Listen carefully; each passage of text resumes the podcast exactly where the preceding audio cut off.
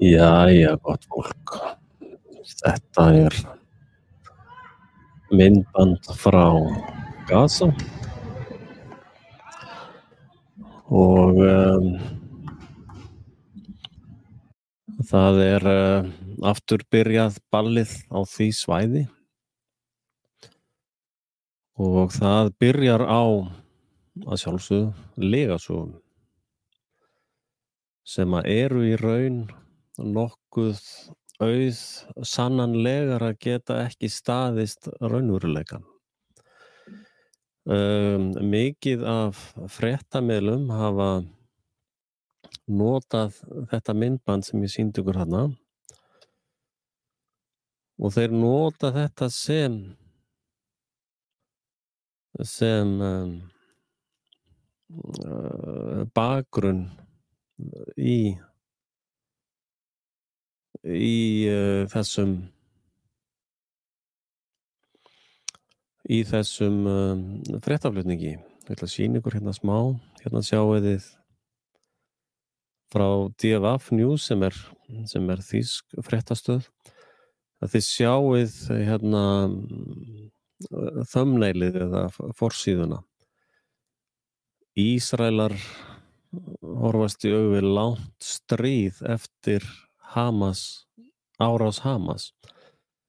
Og bakmyndin þar er bygging sprengt á Gaza sko.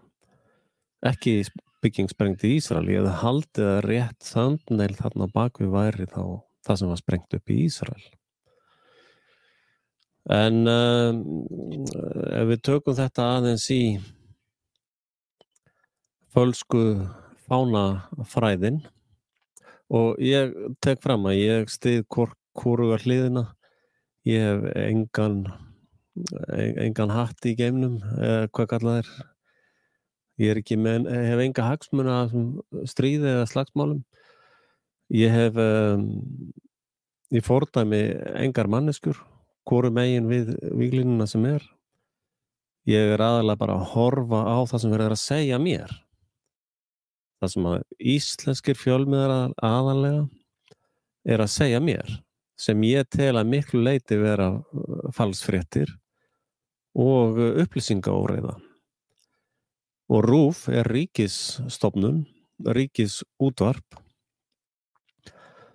og uh, það sem þeir eru að segja eru bara þeir, þeir eru með yfirlýsingar og stríðsáróðurs æsing sem að uh, hugsanlega á engi rauk í raunverulegan og þeir eru ekki að sína fram á neinar örgar heimildir fyrir fréttum sínum. Það er bara þessi sað og hinsæði og, og hérna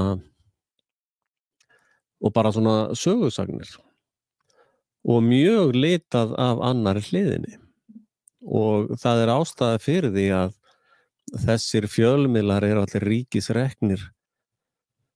Og flest allir, ef ekki allir ráðmenn þjó, þjóðarinnar eru undir pilsfaldi sæjónista og svo rennur bara áróðurinn í gegn hömlu laust sem að flokka sem, sem upplýsinga óræðu hreinan áróður og falsfréttir